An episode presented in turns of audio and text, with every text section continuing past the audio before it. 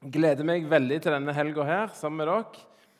Eh, første gang her på huset. Veldig kjekt. Eh, så er det jo sånn at det kom en etter meg. og jeg tenkte på Det veien, det er veldig fint at han kom etter meg. Det blir litt sånn Bukkene Bruse-opplegg. At jeg kan skylde, jeg kan, jeg kan skylde på han som eller Det kom en større bak meg, da, for å si det sånn. Eh, Knut Kåre Kirkholm han er mitt søskenbarn. Vi er like gamle. Han fikk det oppi her, og så fikk jeg noe annet. Eh, så hvis det ikke er godt nok, det som dere får servert av meg, så det kommer en bak meg som er mye bedre enn meg. Men jeg er meg. I dag så fikk jeg en tekst eh, fra andre kongebok fire. Og så blir det sannsynligvis eh, noe herifra i dag òg. men jeg har lyst til å i løpet av helga være med og dele litt av det som ligger på hjertet mitt i forhold til det som jeg har sett, og det som jeg har vært med på, og det som Gud har lagt på meg. Og så håper jeg at det ikke bare blir sånn der glimt fra langt vekke, men at dere kjenner at eh, dette er deres, og at dere kjenner at dere er med på ting, og at dere kjenner at det inspirerer og motiverer akkurat der dere er. Det er iallfall min bønn. da. Um, vi har vært på reise siden 2010. Vi reiste ut, meg og Siri Uh, unge og fri uten barn. og Det var kjempegreit å være på reis. Og så kom vi hjem eh, etter en del reiser og kofferter etterpå. Så kom vi hjem eh, 2019 eh, med tre unger. da. Eh, så det var en fin velsignelse på reisen, blant mye annet. Eh, så vi kom hjem i 2019, og kona mi er fra Tonstad. Derfor så bor vi der.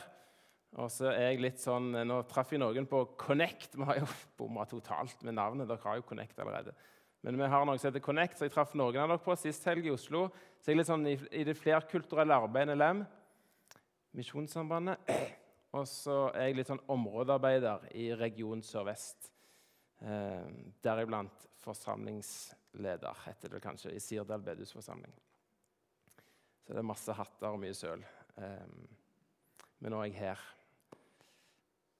Og mitt hjerte da, er litt her òg at, at, vi virkelig må få eh, bli knust. Eh, ikke av mine tanker og mine ord, men av det som ligger Gud på hjertet. Let my heart be broken with the things that breaks God's heart. La mitt hjerte bli knust av det som knuser Guds hjerte. Og det er jo mennesker. Eh, Paulus han sier at han har fått et nytt hjerte. og så sier han at mitt hjerte, mitt hjertes ønske og min bønn for dem er at de skal bli frelst. Og Jeg håper vi får være litt i det hjertet der. Kjære gode himmelske Far. Hent oss inn. Be om at vi må få møte deg, Jesus, igjen.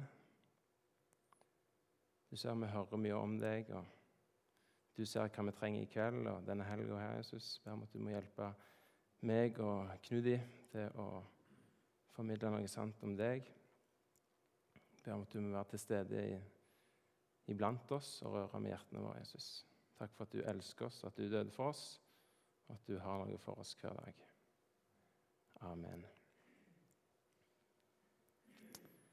Og så eh, vil jeg begynne med å ta dere med til en tekst da, som står i andre kongebok fire. Og det er jo et enormt hopp, et langt hopp fra vår tid eh, til en helt annen tid i historien. Eh, kongebøkene tar, flere, tar, for seg flere år, århundrer med historie. og Dere har sikkert vært litt i det sist til, kanskje. Om David og Salomo, rikelig og delt, og det er mye som ikke er greit. Eh, profeter kommer opp. I vår tekst i dag så møter vi Elisha. Eh, Riket er midt i en krise. Det er delt, og det står dårlig til på veldig mange måter. Um, og så i denne tida her så reiser Gud opp profeter. Og Så zoomer teksten inn.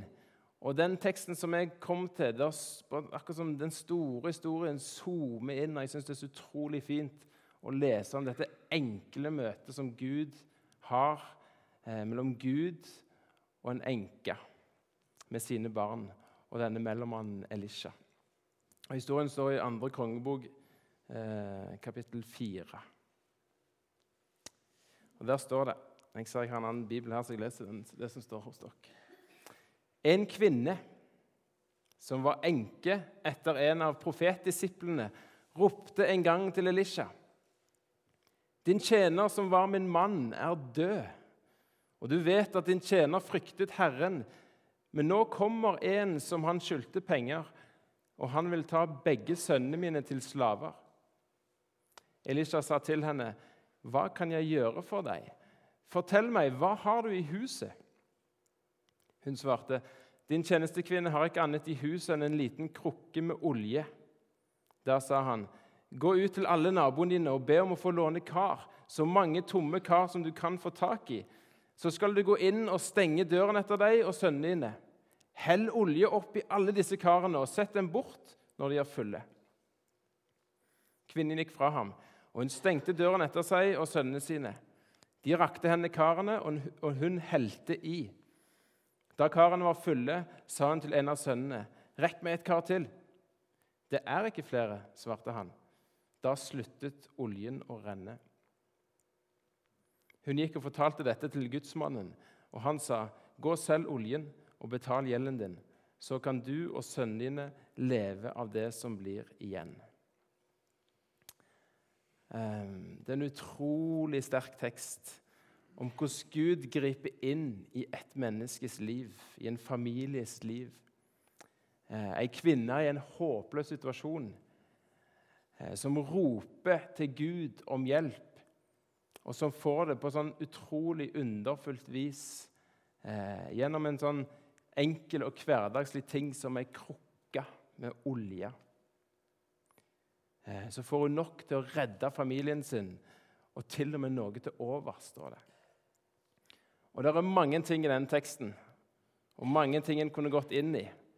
Eh, om jeg skal stoppe opp med et par ting, så får vi se hvor lenge det går. Eh, første tingen er at jeg stopper opp med hvordan Gud ser den enkelte. Jeg syns det er en veldig sterk påminnelse, og den trenger vi i dag.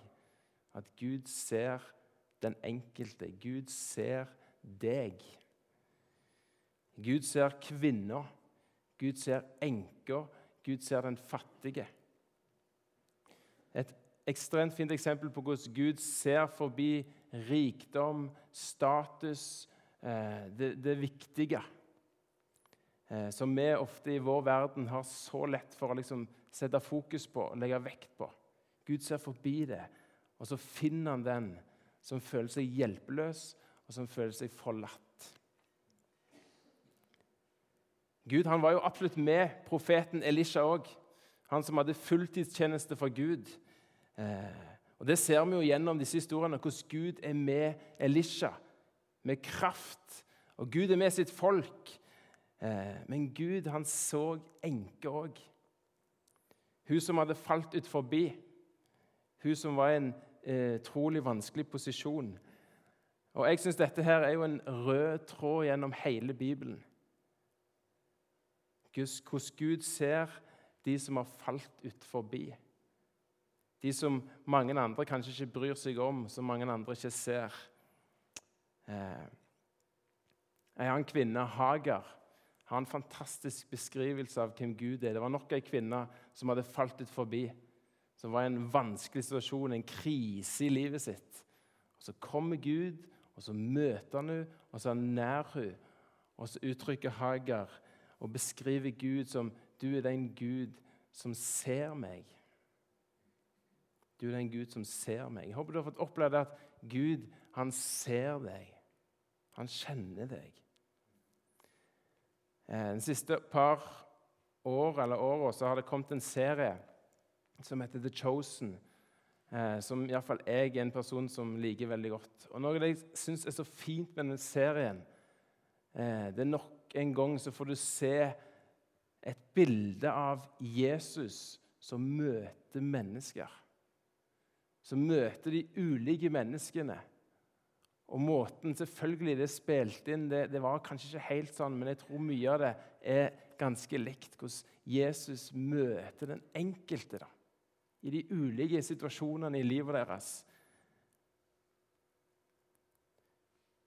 Og For meg så blir dette bare en større og større rikdom når jeg leser Bibelen. Hvordan, hvordan Gud møter mennesker som ikke andre bryr seg så veldig om, eller som er i denne hjelpeløse situasjonen. Eh, og Jesus og hans forkynnelse og hans liv eh, det er et utrolig sterkt vitnesbyrd på hva som betyr noe. I måten han møtte mennesker på, og hvem han gikk til, og hvem han snakket til. Hans hjerte og hans omsorg. Jesus fikk navnet Immanuel, Gud med oss. Folkens, vi tror på en Gud som ser oss, og som bryr seg om oss. Herre, vis oss din vei til de som du ser, og de som du elsker.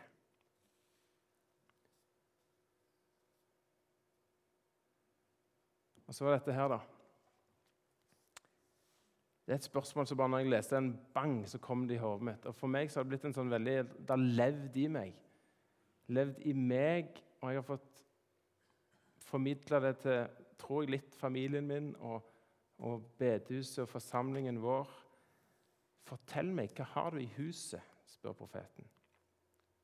Jeg synes Det er så utrolig fint å se hvordan Gud eh, ikke lar kvinner bare stå og se på at nå griper han inn og gjør et under. Han gjorde det. Det var Gud som gjorde underet. Men han lar hun være med på en sånn utrolig fin måte. Lar hun få en rolle, få hente fram krukkene og være med. Så det er selvfølgelig Gud som gjør det, men han spiller på, på det som hun har. Og bruker det som hun har tilgjengelig.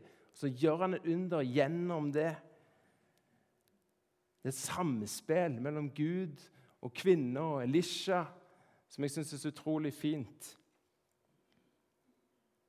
Og så skal det være et samspill mellom Gud og oss og de ressursene og de mulighetene han har gitt oss, de evnene og gavene som han har gitt oss. Og kunne Gud gjøre et under i denne lille familien og med disse krukkene, så tror jeg han kan gjøre et under i mitt liv og i vårt liv. Si meg, hva har du i huset ditt? Jeg syns det er et utrolig sånn, godt spørsmål.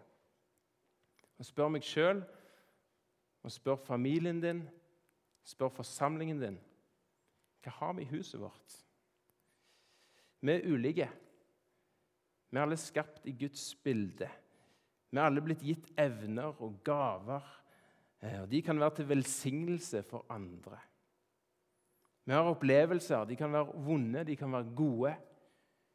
Vi har livserfaring, vi har kunnskap, vi har kjennskap. Eh, vi har sett ting, og vi har hørt ting. Og så har vi erfaringer med Gud, og vi har erfaringer fra fellesskap. Og så er det utrolig stort da, å tro på en Gud som kan bruke det som vi har. Selv om det faktisk oppleves lite og unyttig, så kan Gud gjøre store under gjennom våre ting. Så tenker jeg vi skal være litt forsiktige.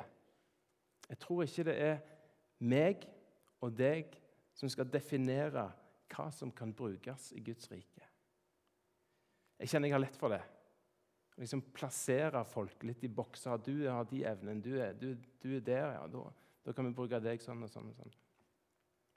Jeg kjente på det når jeg leste her. Det er så lett å begynne å, å, rangere hverandre og sette hverandre i et sånn Hva har du i huset ditt? Og, og, vil du gi det til Gud? Vil du gi det du har, livet ditt, det du har, til Gud? Eh, jeg håper du får oppleve i dette fellesskapet her at du får eh, brukt dine evner, dine gaver. Fortell meg hva du har i huset. Herre, vis oss din vei. Den tredje tingen eh, det er den hjelpeløse situasjonen. Kvinna i teksten hun er desperat fordi hun er i en hjelpeløs situasjon. Og så tror jeg kanskje det er mye i denne situasjonen som vi ikke kjenner oss igjen i. Eh, samtidig så, så jeg, ble det liksom litt sterkt for meg at det fins utrolig mye fattigdom, til og med i Norge. Det er mange som ikke er så langt vekke fra den situasjonen rett rundt oss. Eh, som er helt på bristepunktet. Og for andre i andre, Du skal ikke langt forbi våre grenser før det er veldig reelt. Hjelpeløs situasjon. Men så har vi kanskje andre situasjoner hvor vi kjenner oss så hjelpeløse, så fattige, og hvor vi virkelig kjenner at vi trenger Guds hjelp. Eh, det kan være i vårt personlige liv, det kan være på jobb, det kan være i familie, i forsamlingen vår. Eh, mens jeg forberedte meg, så leste fant jeg et sitat fra en som beskrev dette her. Jo eldre vi blir, desto mer innser vi hvor begrensede vi er i vår evne til å elske, hvor urene våre hjerter er, og hvor komplekse våre motivasjoner er. Jeg vet ikke om vi kjenner oss igjen. Så skrev han videre det er lett å bli fristet til å se inn i seg selv og ville rense ut det innvendige grumset og få et rent hjerte, uplettede intensjoner og betingelsesløs kjærlighet. Noe slikt er dømt til å mislykkes og leder til enda større fortvilelse. Jo mer vi ser inn i oss selv og prøver å forstå vårt indre, desto mer vikler vi oss inn i våre egne ufullkommenheter. Det er derfor det er så viktig å flytte det indre blikket fra ditt eget brutte hjertets kompleksiteter over til Jesu rene, men brutte hjerte. Ved å se på ham og hans uendelige barmhjertighet vil du bli i stand til å akseptere dine egne ufullkommenheter og virkelig ta imot Jesu barmhjertighet og kjærlighet. Eh, I Guds rene hjerte Omfavnet av hans betingelsesløse kjærlighet vil du finne den sanne gleden og freden ditt hjerte lengter etter. Jeg tror ofte vi kjenner oss så hjelpeløse i vårt indre, i våre hjerter. Og så den gode nyheten da, at Jesus han vil komme oss i møte. Han vil komme oss i møte med våre tanker og våre ord og våre handlinger og med våre urene hjerter så vil han komme oss i møte midt i vår hjelpeløshet.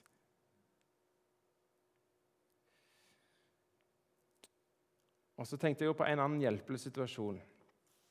Det kan være dere på Flekkerøy er fritatt, men jeg tror ofte vi kjenner oss litt sånn hjelpeløse i fellesskapet vårt òg. Eh, det foregår en kamp ofte i våre fellesskap, oss imellom. En kamp mellom det gode og det vonde. Eh, for når vi kommer sammen, så, så, dukker det opp muligheter til å være kritisk, til å anta det verste, eh, til å bli fornærma, til å lyge. Og fienden vår, han elsker det. Han elsker når enheten iblant oss blir sabotert, og vi isolerer oss litt fra hverandre. Når vi glemmer at kraften den ligger i å være én kropp. Fienden han liker oss bitre, har en skrevet. Uvillige til å tilgi, med retta pekefinger, atskilt av mistanke om forræderi. Så han skyver og dytter oss til å dømme andre rundt oss, slik at vi selv, når vi står under den strømmende floden av vår nådes, Fars nåde, er vi selv uvillige til å gi den samme nåden videre til våre brødre og søstre. Det er ikke enkelt å ha fellesskap alltid. Det er en situasjon som kan føre til hjelpeløshet. Og vi trenger Guds inngripen, Guds kraft, hans tilgivelse, hans omsorg, hans kjærlighet til oss. Veldig mange historier i Bibelen og i kirkehistorien de handler om hvordan Gud møter mennesker som trenger hjelp, som trenger redning. Og Jesus han kom til jord for å være redningen, for å være frelseren for å gi oss mulighet til et nytt fellesskap med Gud. Og han viste oss hva sann kjærlighet er.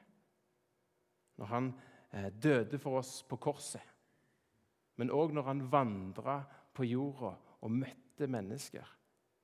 I møte med den enkelte så viste han vei. Det er utrolig sterkt synes jeg, å lese om hvordan Johannes beskriver den siste måltidet sammen med Jesus. Under dette siste måltidet så, så De ligger vel et eller annet og spiser. Jeg har ikke satt meg veldig inn i det, men så reiser iallfall Jesus seg, står det. Så finner han fram dette vaskefatet, og så bøyer han seg ned. Og så vasker han føttene til disiplene. Og Så sier han til dem, 'Forstår dere hva jeg har gjort med dere?' Dere kaller meg mester og herre, og med rette sier dere det. Når da jeg som er herre og mester har vaska føttene deres, så skylder òg dere å vaske hverandres føtter. For jeg har gitt dere et forbilde, for dere skal, dere skal gjøre det som jeg har gjort mot dere. Jesus han satte standarden for hva sann tjeneste er. Og Det er han som skal inspirere oss, det er han som skal være forbildet vårt. Nøkkelen er å søke Gud og søke Hans folk.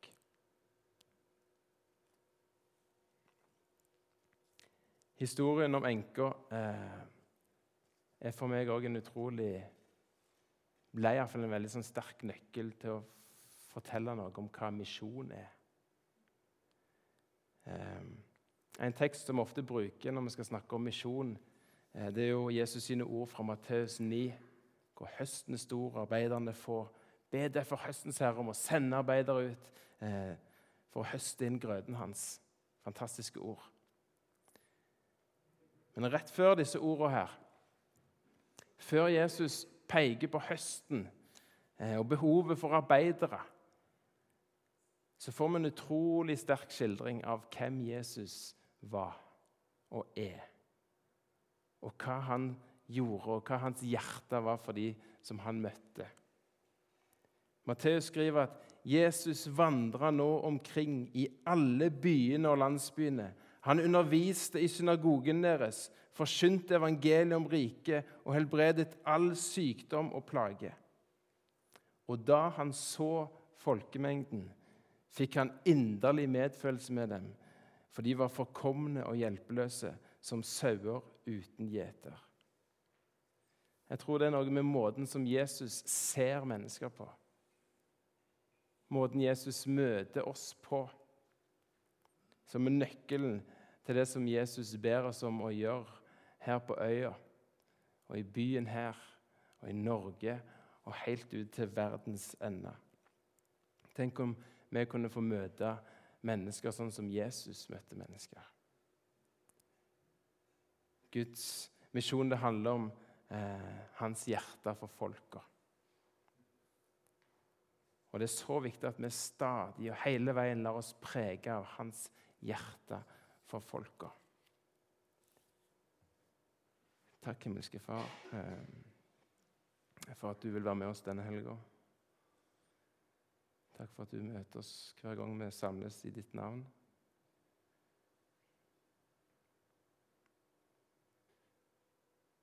Takk for ditt hjerte for de som aldri har fått hørt om deg, Jesus. Takk for at du lar oss få en del av det hjertet. Hjelp oss til å se hva det betyr eh, for oss at du har dødd for de som bor i land hvor det er 99,9% muslimer, Jesus. Takk for at du har vist så konkret at du kan gripe inn det her. At du gjør det hele veien, Jesus. Takk for at du kan bruke oss så ser du de som du har lagt på våre hjerter. Hjelp oss til å peke på deg i møte med de, Jesus. Takk for at du kan gripe inn i vårt liv og i livet til de rundt oss. Amen.